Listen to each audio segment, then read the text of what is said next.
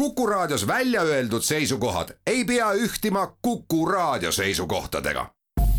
Te kuulate Kuku Raadiot.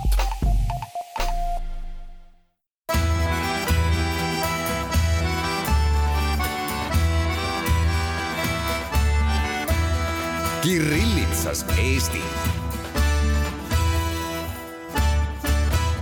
tere päevast, head raadiokuulajad, eetris on Kirillitsas Eesti, saatejuhiks Paviljonov ja stuudios täna külalisteks Kultuuriministeeriumi ühtse meedia nõunik või ühise, ühise, ühise meedia nõunik Olga Sotnik tere päevast! ja Narva ajakirjanik Jüri Nikolajev. tere päevast, lõpuks ometi ka päris stuudios. päris stuudios, jah, see on fantastiline juhtum äh,. paraku äh, asjad on äh, arenenud niimoodi, et ootamatult on haigeks jäänud veel üks meie tänane külaline, Katriina Takla, ETV Plussi peatoimetaja, väga kahju, aga soovime talle tervist ja ma loodan, et me kolmekesi suudame hakkama saada, teema on siis minu poolt täna valitud selline, et me üritame natukene vaagida ajakirjanduslikku aastat venekeelses meedias siin Eestis, ehk siis kui saate nimetus on Kirillitsas Eesti, siis tänase saate tingnimetus võiks olla kirillitsas ajakirjanduslik Eesti, aga no ma ei taha alustada sellistest banaalsetest ja võib-olla mitte eriti originaalsetest teesidest, et see aasta oli dramaatiline mitte ainult äh, sõjas osalejatele, mitte ainult äh, tavainimestele, vaid ka ajakirjanikele, aga paraku see nii oli, sellepärast et tõesti ühe päevaga muutus ka kõik, muutus ka meie töö ma mäletan väga hästi, kuidas kahekümne neljas veebruar algas Kuku peatoimetaja telefonikõnest, et tule tööle, kui äh, meenutada neid äh, hetki, millal meie kui ajakirjanikud ja meedia lähedal olevad inimesed saime aru, et midagi on juhtunud, et ma mäletan enda nüüd juba kogemustest võib niimoodi öelda, et oli täiesti selline tühi tunne. et nagu täieliku automaadiga nagu tegutsesid, tulid siia, tegid oma töö ära. Ja ega ei olnud mitte mingisuguseid väljavaateid, mida sa isegi tunni aja pärast hakkad tegema puhtajakirjanduslikult, Jüri, kuidas sul oli? see hommik oli muidugi jah kohutav ja noh, varahommikul ärkamine, vabariigi aastapäev, on vaja minna hümni laulma, lippu heiskama. Avan Telegram kanalit, ma vaatan Vene meediat tavaliselt hommikuti, kas on midagi juhtunud, juhtuski, ja muidugi see kell seitse hommikul linnusesse jõudes sa näed inimeste nägudelt, kes teab ja kes ei tea. nagu need teatrimask, inimesed, kes tunnevad rõõmu tänase päeva üle, nad pole lugenud veel uudiseid, inimesed, kes on lugenud uudiseid, pisarad silmis. mis oli see kõige suurem erinevus sinu arvates? et milles? Äh, need, kes teadsid, need, kes ei teadnud. no inimesed, kes pole, ei lugenud hommikul uudiseid, tulid tähistama vabariigi aastapäeva, rõõmsad. ja need, kes lugesid, et tõesti inimestel pisarad silmis, et, et nüüd, nüüd see juhtus. see, mida sa, keegi ei oodanud. aga sa tabasid ka seda hetke, millal inimesed, kes ei teadnud, said teada ja siis? vaat seda muutust ma kahjuks ei näinud, aga see, see oleks olnud huvitav kuidagi jäädvustada või talletada, et kuidas inimeste näod oleksid muutunud, kahjuks mitte, ei jõudnud. kuidas sul möödus kakskümmend neli veebruar?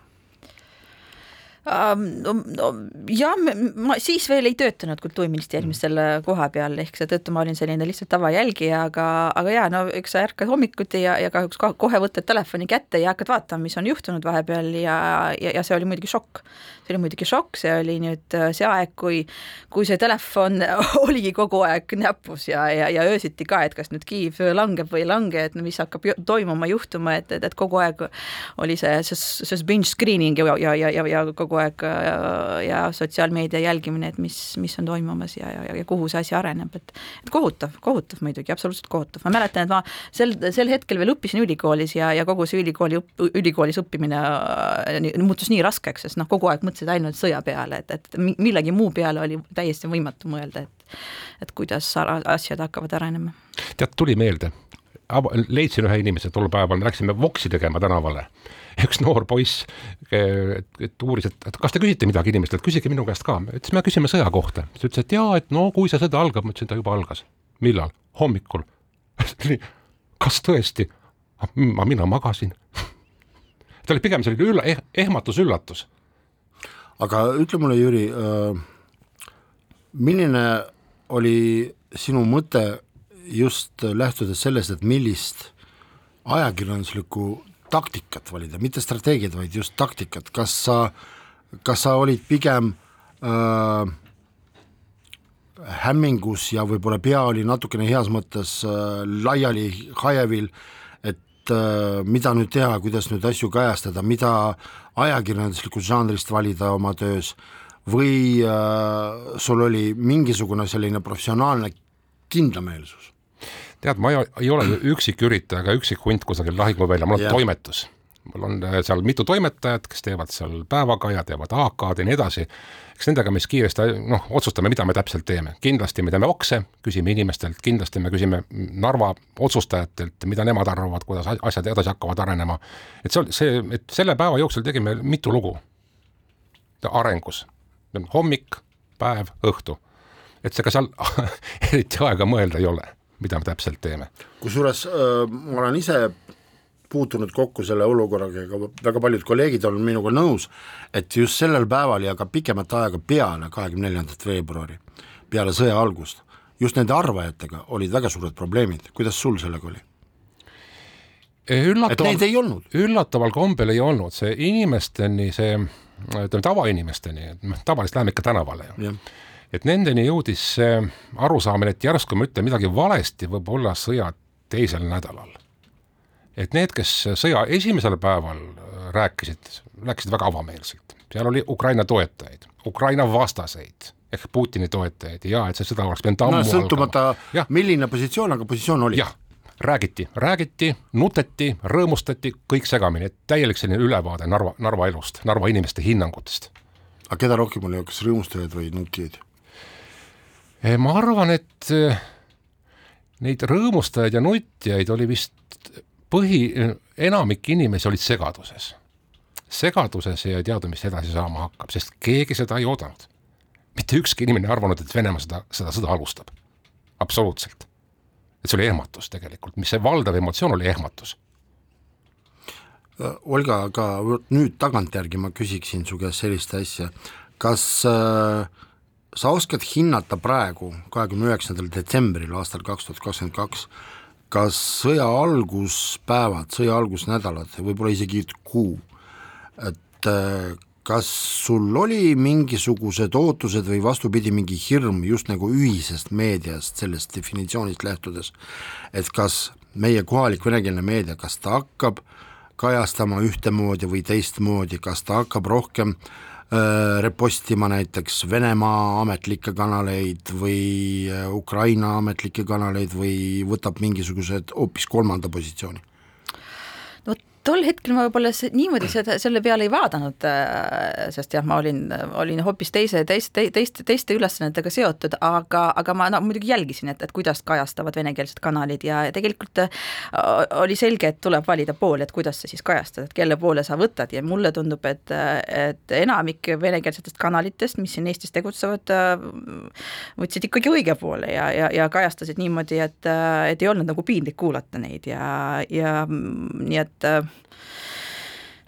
ja eks, eks, eks, eks alguses oli kohe ju ka päris palju, ega ERR-is olid need igasugused erisaated selle kohta, väga palju oli kajastusi nii, nii raadios kui ka televisioonis olid. Ja, ja kohe ka va- valitsus võttis vastu otsuse, et nii, nüüd me peame midagi otsustavalt ette võtma. Ja ma arvan, et see oli nagu väga-väga õige, et, et kohe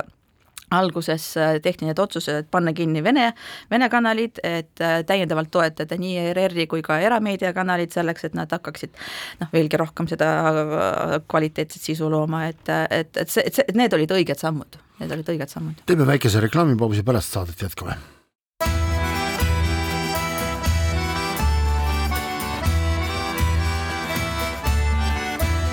Kirillitsas Eesti jätkame saadet ja Jüri, sa mainisid äh, esimeses äh, saateveerandis, et äh, toimetus on taga, toimetusega kõik asjad rääkisime, aga ütle, kas selle äh, sõja kümne või juba rohkem kuu jooksul, kas on olnud selliseid momente, kus sinu ja toimetuse vaated, kuidas kajastada?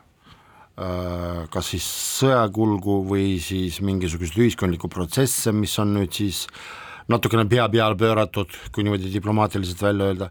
et äh, kas oli selliseid hetki, millal sa ütlesid, et kuulge, ei, me peame venekeelsele auditooriumile pisut teistmoodi lähenema, aga ütleme, et sinu äh, Eesti toimetuse kolleegid ütlesid, et ei, et me teeme nii? ei, vaat uudistes mitte, uudistes noh, uudised me, me näitame elu nii, nagu on. vot ETV Plussis on paar korda olnud äh,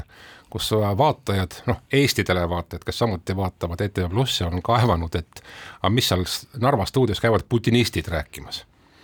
oh see jah, see sõna putinist, seda kasutatakse,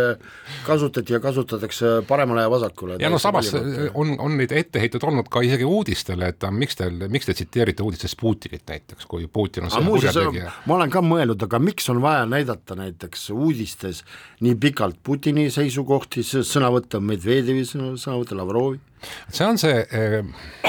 poole valimine, loomulikult äh, normaalsete inimestega me oleme muidugi südames, äh, me toetame Ukrainat, me oleme selle poole ammu valinud, iga normaalne inimene on selle poole valinud. meediaväljaandena noh, me peame tegelikult näitama ka seda, mis, mida Venemaa räägib. et kuidas need Venemaal need otsused sünnivad me ei saa ju näiteks Venemaast rääkides tsiteerida Ukraina meediat, mis samuti tegeleb sõjapropagandaga, see on, see on normaalne nähtus selles mõttes mulle alati meeldib eh, port-, kuidas tegutseb portaal Medusa, kus, mis igale sõjateatrile lisab kirjakese, et eh, tegemist on sõjalise konfliktiga ja me selle teate usaldusväärsust kohe kontrollida ei saa, olenemata, kas teatab Venemaa või teatab Ukraina. Jaa, sul on õigus, see on väga oluline tähelepanek, seda kasutas kohe algselt eh, Medusa, Current News, veel mitmed äh, meediakanalid, et sõjaolukorras on väga raske kontrollida uudise väärtust. ja et üks asi on siis see, ütleme siis see poole valimine, ütleme inimesena, ka meediaväljaandena, aga teine asi on siis allikate pimesi usaldamine, et kas need allikad, kes sulle meeldivad, kes sinu positsiooni toetavad, kas sa usaldad neid kohe päris pimesi või, ja sellest tekivad, sellest tekivad sellised natukene totravõitud teated, kus räägitakse juba, et kohe-kohe Ukraina võidab. Ta kohe-kohe ei võida, vabandage, see sõda kestab ikka veel tükk aega ja Venemaa niipea ei lange ja Venemaa majandus ka niipea ei lange. et peaks, oleks nagu vaja sellist äh, kainemat analüüsi toimuvale, mitte ainult sellest, et äh, võtta noh, teateid ja uudised sellest, et millega toidab meid propaganda, olenemata mis poolest. kui rääkida sellest ähm, no, allikate usaldusväärtusest ja ka võib-olla kanalite usaldusväärtusest, Olga, ütle, kas äh, juba olles tööl Kultuuriministeeriumis, kas sul äh, monitoorides või siis jälgides seda, mis kohalikus venekeelses meedias toimub, kas on jäänud nagu kõrva või silma mingi selline hetk, mil-, milline see seik, et kus sa mõtlesid, et kas see kanal ikka teeb ikka õiget asja? või siis kas see käsitlus ikka on see, et ta vääriks usaldusväärsust? Aeg-ajalt jah, tekivad sellised äh, olukorrad, kus tõesti sa mõtled, et noh, miks, miks oli vaja nagu just, just seda näiteks väljaannet tsiteerida või seda inimest tsiteerida, sest noh, neid allikaid on väga palju ja see on, ma ei tea, toimetaja valik, et, et keda ta võtab ja keda ta valib. et, äh, et mõnikord juhtuvad sellised asjad, aga kuna meil on meediavabadus. sa tuua ah?? Näiteid saad tuua? no, no aeg-ajalt on, no näiteks ERR on sellega patustanud või, või venekeelsed need uudiste, venekeelne ERR-i uudisteportaal, et seal tekivad mm, küsimused ja ka noh, seda näiteks ka minu Facebookis on näha, et mõned inimesed ikka pahandavad, et miks seal tassi näiteks tsiteeritakse või, või, või, või veel mõnda, mõnda, mõnda sellist äh, kanalit, et, et, et noh, ja see, see juhtub ja see tõenäoliselt äh, noh, sõltub sellest, kes seda konkreetset uudist praegu teeb ja kas äh, on see kokku lepitud või see on tema vaba voli, ma ei oska öelda, ma ei ole nagu kunagi toimetuses töötanud, kuidas need äh,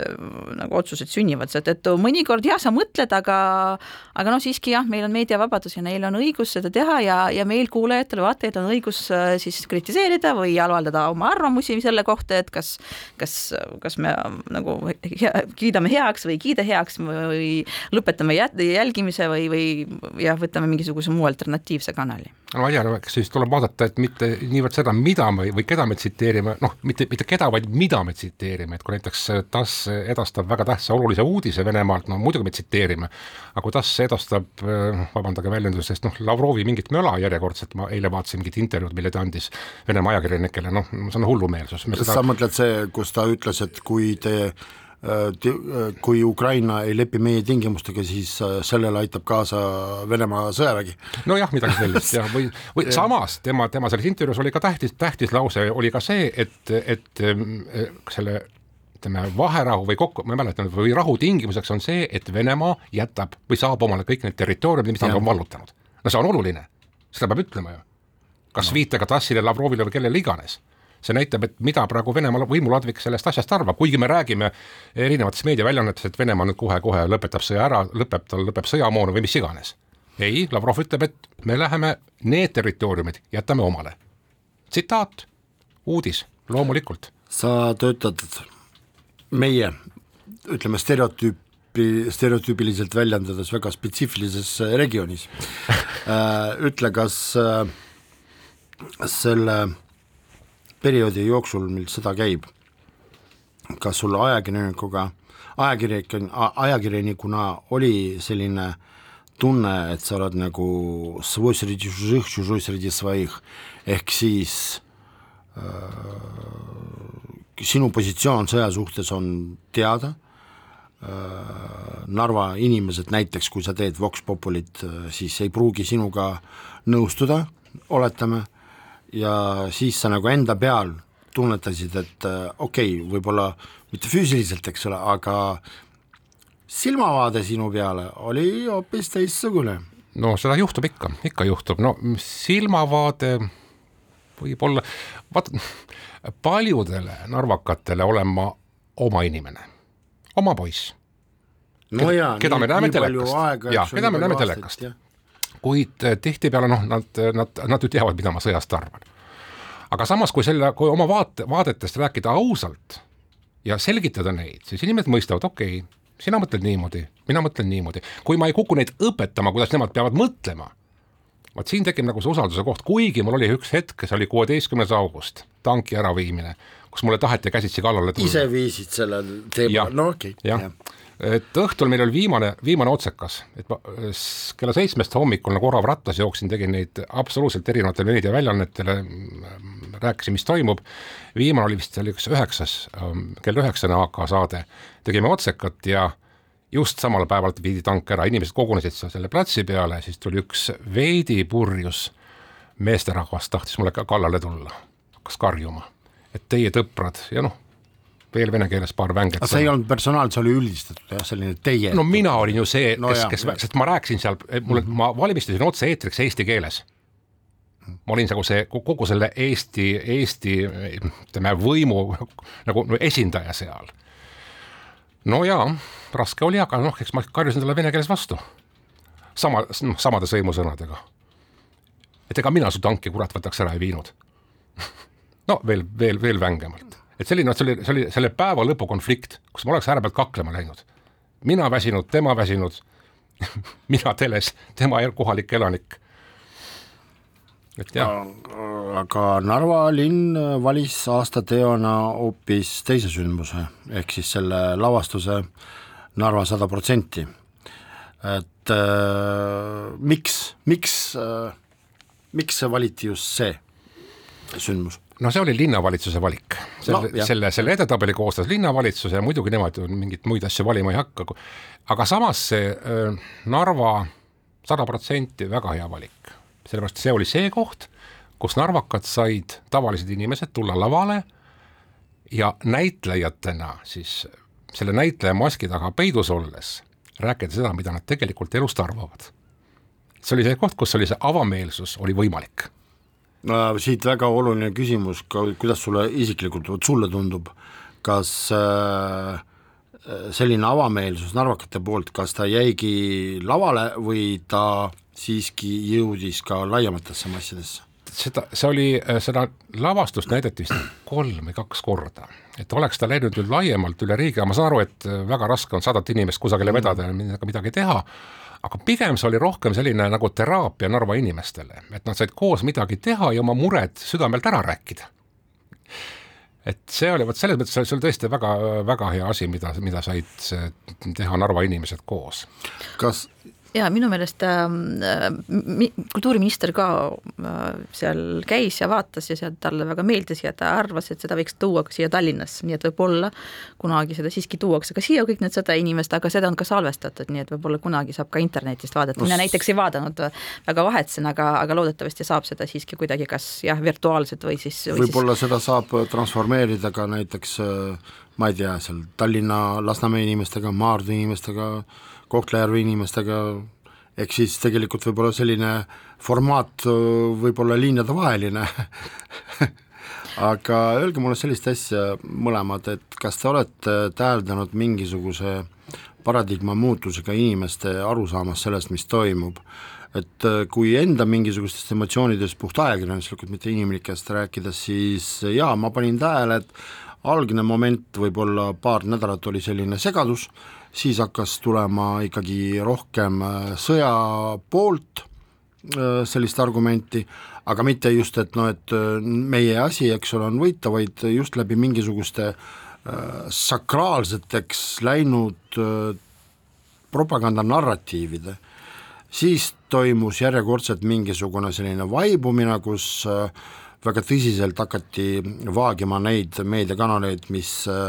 levitavad sõjapropagandat, siis nagu kuidagimoodi inimesed äh, ka ise jahtusid maha, äh, siis üheks selliseks emotsioonide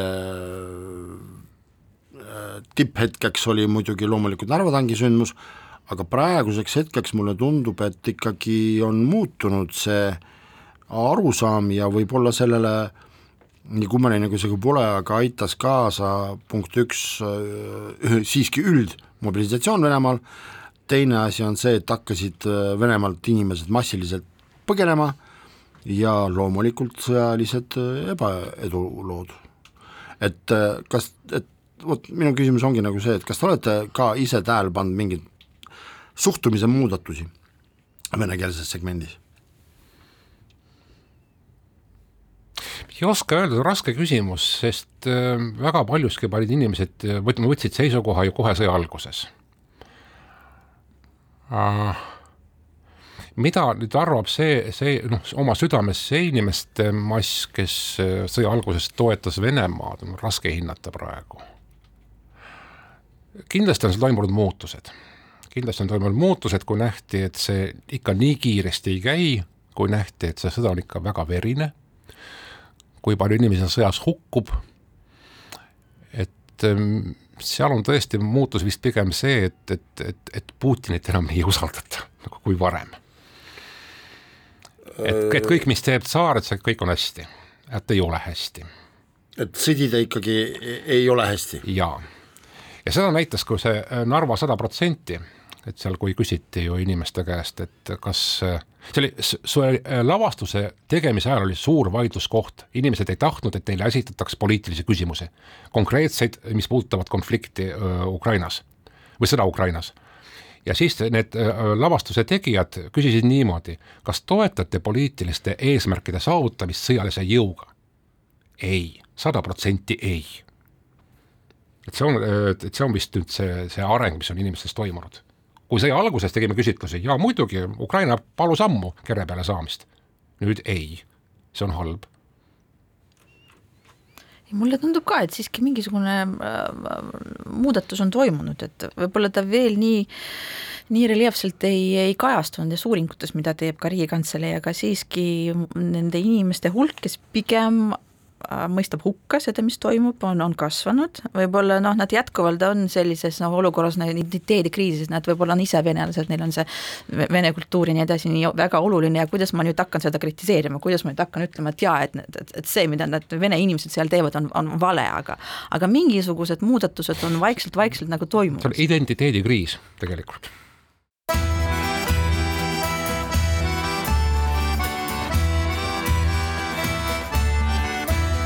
Kirillitsas Eesti. jätkame saadet stuudios Jüri Nikolajev, Olga Sõtnik ja saatejuht Pavel Ivanov äh,. tänases venekeelses Delfis on üks intervjuu Tartu Ülikooli äh, teadlasega härra Makaritševiga, kes muuhulgas ütles sellist asja, et äh, eelseisvatel valimistel äh, potentsiaalset venekeelset valijat võib äh, meelitada ainult Ukraina vastane retoorika. ja kui ma nüüd viin selle, sellise teesi nüüd ajakirjanduslikule põhjale, siis ma küsiksin teie käest, kas tõesti see töötab ja tõesti integratsiooni mõttes Ukraina migrantide, Ukraina põgenike osas on äh, asi läbi kukkunud, kui Tartu Ülikooli professor väidab, et ainult Ukraina vastane äh, retoorika võib venekeelset valijat äh, huvitada. No samamoodi võib juba öelda, et eestlased meelitaks valimistele rassistlik retoorika, aga no see pole ju päris tõsi no.. valged võitsid. Valged võitsid, jah. Ei ole see, see vene kogukond ju nii, niivõrd ähm, ühene või ühtne või, või mingid, mingite ühiste vaadetega inimesi on väga erinevaid. Ja ma ei tea, ma ei kujuta ette, milline võiks olla siis see Ukraina vastane retoorika, kes on see poliitik, kes tuleb, ütleb sulle, et nii, et ja mida ta üldse ütleb? no ta toob näitena, härra Makarovitš toob näitena äh, EKRE mingisugune uute migrantide vastane. ukrainlaste, ah, ukrainlaste vastane retoorika, no oh issand, ei oskagi öelda, ma ei tea kui suurt hulka inimesi see üldse haaraks?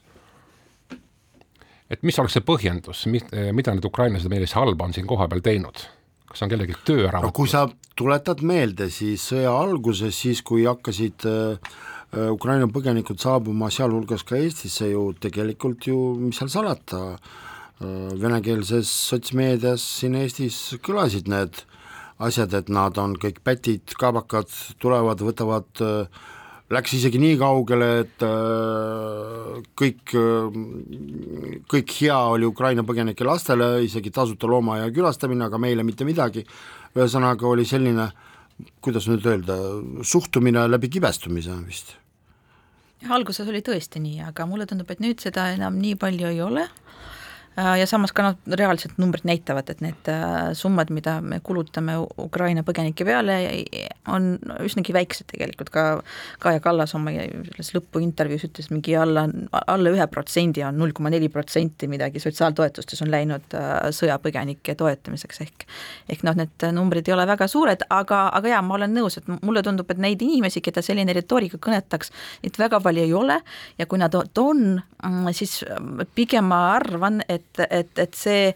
on selline retoorika, mis kõnetab inimesi, kellel ei ole Eesti kodakondsust, kes ongi nagu vähe lõimunud, mida meie uuringud näitavad, ehk nemad tegelikult ei saaks ka hääletada järgmistel valimistel, et, et, et noh, nende inimeste peale jah, kes, kelle peale see mõjuks, et nad ei ole hääleõiguslikud järgmistel valimistel, aga noh, see on minu selline äh, arvamus, et võib-olla kui me hakkame natukene täpsemalt uurima, siis see, see ei pruugi nii olla, aga, aga ja mina arvan nii. no vaadake, näiteks Ida-Virumaal on ju suhteliselt vähe võib-olla võrreldes Tartuga Ukraina sõjapõgenikke ja sinna on tuldud ikka Ukraina idarajoonidest ja sa tänavapildis sa ei tee vahet, kes on kohalik elanik, kes on ukrainlane. sellepärast, et Ukraina idarajoonid on venekeelsed. jaa, ja mida see inimene mulle halba on teinud, kui ta on samasugune nagu mina, ma ei tea. aga kas ta ei võta sinult tööd ära või leiba või ma ei tea, mida veel või? no ma räägin praegu järjekordselt utreerin olukorda, aga räägin nendest teesidega, mida, mida me oleme lugenud ja kuulnud. Eesti tööjõuturg on ikkagi suht karm ukrainlaste jaoks, siin väga paljud head töökohad arstidele või ütleme, teenindajatele, see eeldab eesti keele oskust, ega nad sinna nii kergesti löögile ei pääse. Ukraina töölised on väga hinnatud, et metallitöötlusettevõtted võtaksid kahe, kahel käel vastu. muuseas, meditsiinispetsialistid, ma olen aru saanud ka, näiteks stomatoloogid, kosmeetikaspetsialistid, et nemad ikka leiavad suhteliselt ma ei saa öelda, et kergesti ega lihtsalt, aga ikkagi leiavad võimalusi, et siin kuidagimoodi ennast kinnitada. leiad küll, aga noh, ütleme selle võrreldes ütleme selle sõja, sõja alguse perioodiga jah, need hirmud olid suured ja võib-olla hirmud olid ülepaisutatud, seda võimendas ka Vene meedia, Venemaa meedia, kes näitasid kõik no, neid kolos neid äh, hirmujõudluse lugusid, mida teevad Ukraina migrandid seal Viinis või, või Berliinis, aga selgus, et ei olegi niimoodi Jüri, sulle kui äh, venekeelsele ajakirjanikule siin Eestis, kas kolleegide töö ja kas võib-olla ka enda töö nendes sõjatingimustes ja ühiskonna killustamise tingimustes tegelikult, kas ta jätab sulle pigem positiivset muljet, negatiivset, kas on olnud mingisugused meeldivad üllatused, kas on ole, olnud mingid sinu arust läbikukkumised ja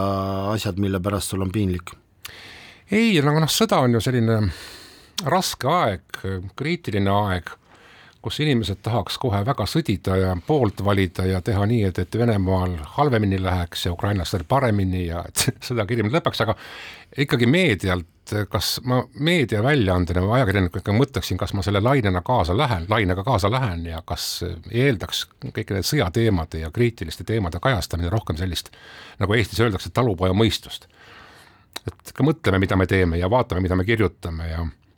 rohkem analüüsi mitte nii, et, et, et kohe homme sõtta ja kõik võidame ja ma ei tea te,, teeme midagi siin Eestis, et Venemaal halva, et Venemaal halvemini läheks, et kas see oli midagi sellist, kas see iga kord töötab? mis sind ilmselgelt häiris meediatöös mm,? no päris konkreetselt ma ei tea,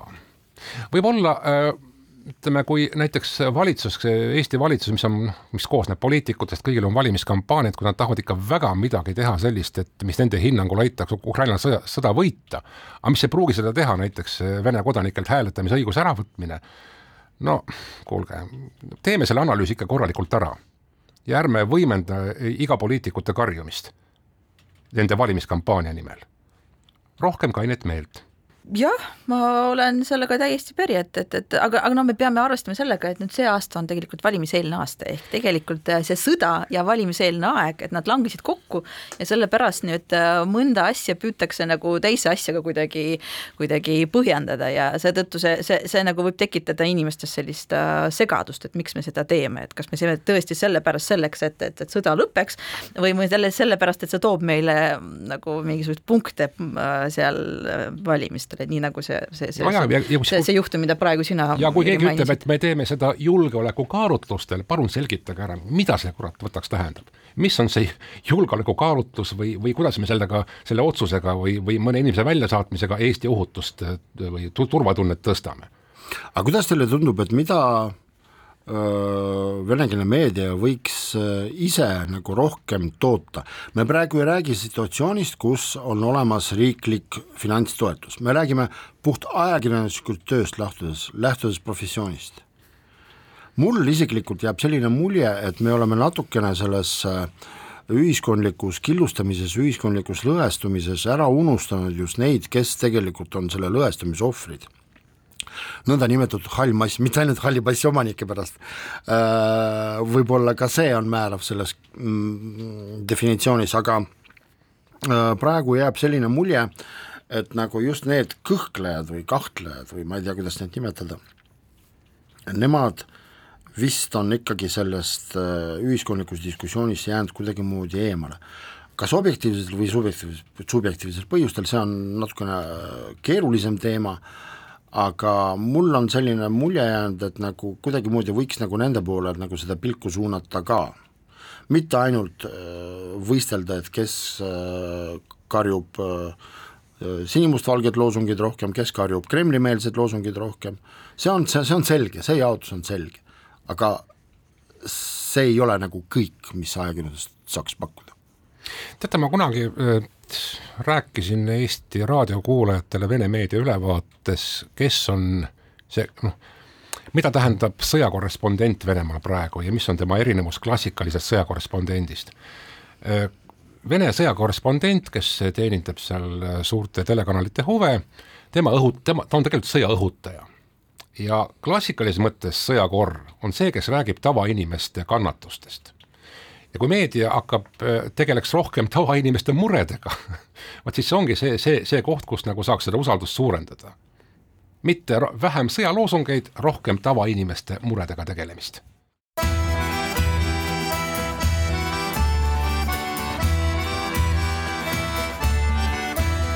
Kirillitsas Eesti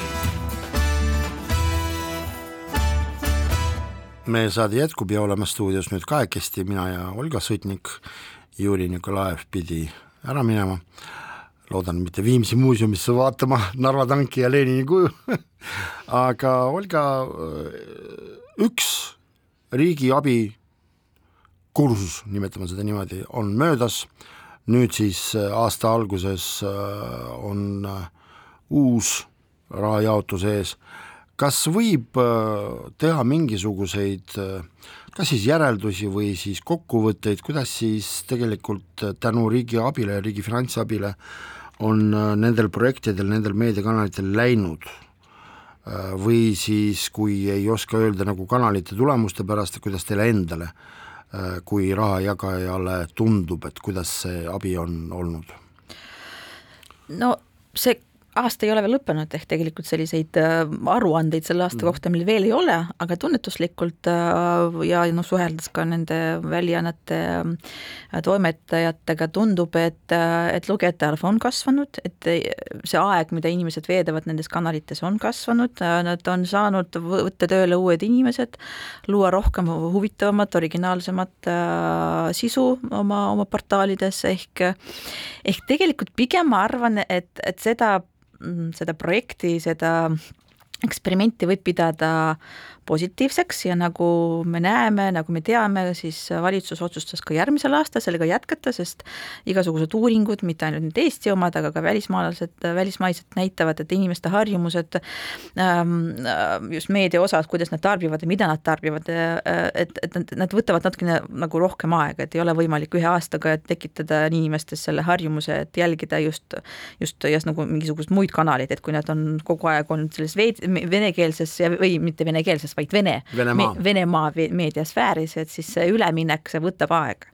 see võtab aega ja harjumuse, harjumuste muutmine võtab aega, seetõttu, seetõttu nüüd võeti, võeti vastu otsus jätkata sellega,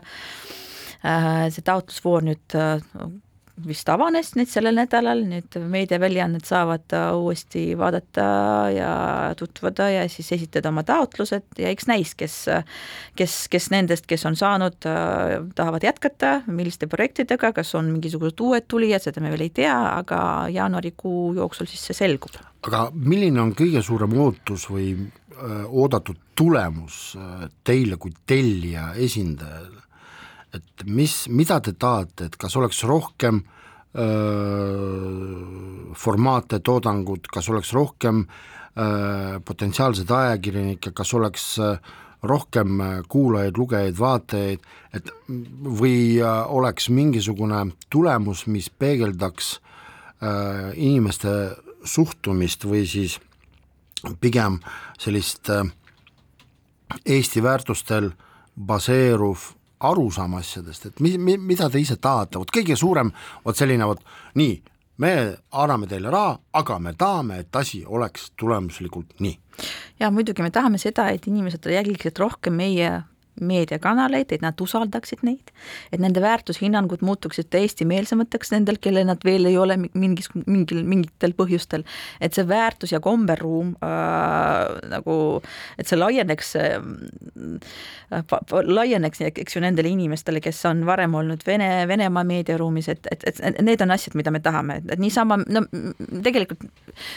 niimoodi tellija seisukohalt me ükskõik, kui palju seal äh, töötab ajakirjanikke, kui üks ajakirjanik suudab selle, sellega hakkama saada, siis on hea, aga noh, tõenäoliselt ei suuda, et on vaja natukene rohkem. seetõttu muidugi kõige tähtsam on siiski see, et inimesed, et inimesed äh, jah, pigem on ähm, eestimeelsed, et nad on, et, et nad on meie Eesti inforuumis, et nad jälgivad ka seda, et muidugi inimesed on vabad äh, valima, mida nad vaatavad, mis keeles nad vaatavad, kas on see Euronews või on, või on, või on see ERR või on see midagi muud või on see RT, aga, aga no siiski meie eesmärk on see, et, et nad et nad, et nad oleksid äh, kriitilisemad nende Vene, Venemaa kanalite suhtes, et nad usaldaksid rohkem Eesti kanaleid äh, ja, ja, ja seda me, seda me ka hakkame mõõtma, et meil on nüüd tulemas meie mm, uus integratsiooni monitooring, kus äh, sellel korral põhirõhk tulebki meedia tarbimisele, seal uurime nii seda, mida inimesed loevad, vaatavad, jälgivad, kuulavad, kui ka seda, miks nad seda teevad ja, ja siis me saame ka võrrelda eelmiste aastatega ehk ehk selles mõttes on hea see, et me nüüd saame tegelikult tõesti vaadata, et kas need meetmed, mida me oleme rakendanud nüüd kahe aasta jooksul, kas nad on ka mingisuguseid tulemusi toonud? On arvatud ka seda, et te võite tekitada sõltuvuse, et erameediakanali jaoks, erameediakanalite jaoks era, võib-olla suuremas rollis, et kus siis hakataksegi lootma riigi abi peale mingisugustes sellistes oma venekeelsetes projektides. Äh,, et kuidas selle ohuga on, et kas ei muutu tõesti mingisuguseks selliseks väljapressimiseks, võib-olla tõesti sõltuvuseks, kui üks või teine era, just erameediakanal loodab riigipoolsele ka abile, või see on täiesti normaalne, kus riik teatud avaliku inforuumi kujundamise küsimuses panustab ka erameedias? no selge see, et see on jah, selline sekkumine vabaturumajandusse selles meediasektoris ja sellepärast, et teie ju kui tellijad esitate mitte ainult, eks ole, annate raha, vaid te esitate ka oma tingimused. no jaa, aga selles mõttes me ei ütle, et mida nad peavad kajastama, kuidas nad peavad kajastama, et, et, et see, see meediavabadus on siiski tagatud ja see on ka meie tingimustes sees, et, et me ei, et meil ei ole mingisugust tsensuuri ja me ei anna mingeid tellimusi, et nad äh, otsustavad ise, kuidas ja mida nad teevad ja, ja, ja see on üks, üks nagu sellistes tingimustes. aga aga selge see, et ühelt poolt tegemist on sellise poliitilise valikuga, et, et, et mida, mida siis nagu noh, hetkel võimul olev koalitsioon otsustab, et kas nad arvavad, et tuleb jätkata või mitte jätkata, aga sama, samamoodi eks siis tuleb vaadata, et, et et kas nüüd nende tellijate või, või vaatajate, jälgijate hulk on niivõrd kasvanud, et, et nüüd meediakanalid saavadki juba iseseisvalt jätkata, ehk eks selline esi-, esmane hoog on antud ja nüüd on, on, on see püsitellijate või püsijälgijate seltskond nii suur, et nad suudavad ka iseseisvalt hakkama saada, et eks aga selleks on vaja natukene veel aega, et me veel ühe aastaga, ma arvan, kardan, et, et seda tulemust veel ei näe ja seda ka möönavad need erameediakanalid, et neil on vaja natukene veel aega, võib-olla muidugi, võib jääda sõltuvusse, see oht on alati olemas, kui sa saad äh, raha üsna kergelt, eks ju, ja, ja, ja siis, ja siis võib-olla ei pinguta nii palju just äh, selleks, et äh, et veelgi, veelgi rohkem mingisuguseid uusi jälgijaid äh, leida või, või leida just sellised jälgijad, kes hakkavad maksma sinu sisu eest, et et see, et see on, see on keeruline, aga no meil on sellel aastal olnud selline erakorraline olukord. meil pole varem kunagi sõda olnud äh, me pidime midagi tegema ja, ja eks näis, kaua see sõda kestab, loodame, et mitte kaua. ja pärast saab juba mingid uued otsused vastu võtta ja aga see on muuseas huvitav küsimus, et okei okay,, et kui riigi abi on olemas, siis erameedia puhul, portaalide puhul see ligipääs materjalidele, tasuline, tasuta, kas ta, kas, kuidas sellega siis, kuidas see suvestub, et te annate nagu raha, et nad sellega teeksid, aga kui erameedia paneb näiteks mingisuguse rahalise tõkke peale, et äh, kas see vastab teie ootustele? see sisu, mida, mida luuakse nagu meie, meie toetuse eest peab olema ka täi-, tasuta kättesaadav, noh seetõttu näiteks Postimehe ajalehed on tasuta, mis mm, -hmm. mis nagu ainuke siis väljaanne, mis andis ka paberi peal äh, ajalehte, et, et, et nende jagamine on, on tasuta inimestele no. raadiotelevisioon seal on selge. samamoodi ka näiteks veedamasti mingisugused asjad, mida nad on teinud, need on olnud tasuta, et äh, ehk, ehk jah, seal on see tingimus sees, et see sisu, mis, mida luuakse, luuakse, on, no peab olema, peab olema tasuta meie tänane saade on otsale jõudnud, ma tänan sind, Olga Sõtnik Kultuuriministeeriumist, et leidsid aja tulla. tänan kutsumast. meie selle aasta saatesari Kirillitsas Eesti on lõppenud, soovin teile normaalset rahulikku aastavahetust ja me juba kohtume, mitte esimesel küll, aga juba teisel nädalal taas, kõike head teile ja kohtumiseni!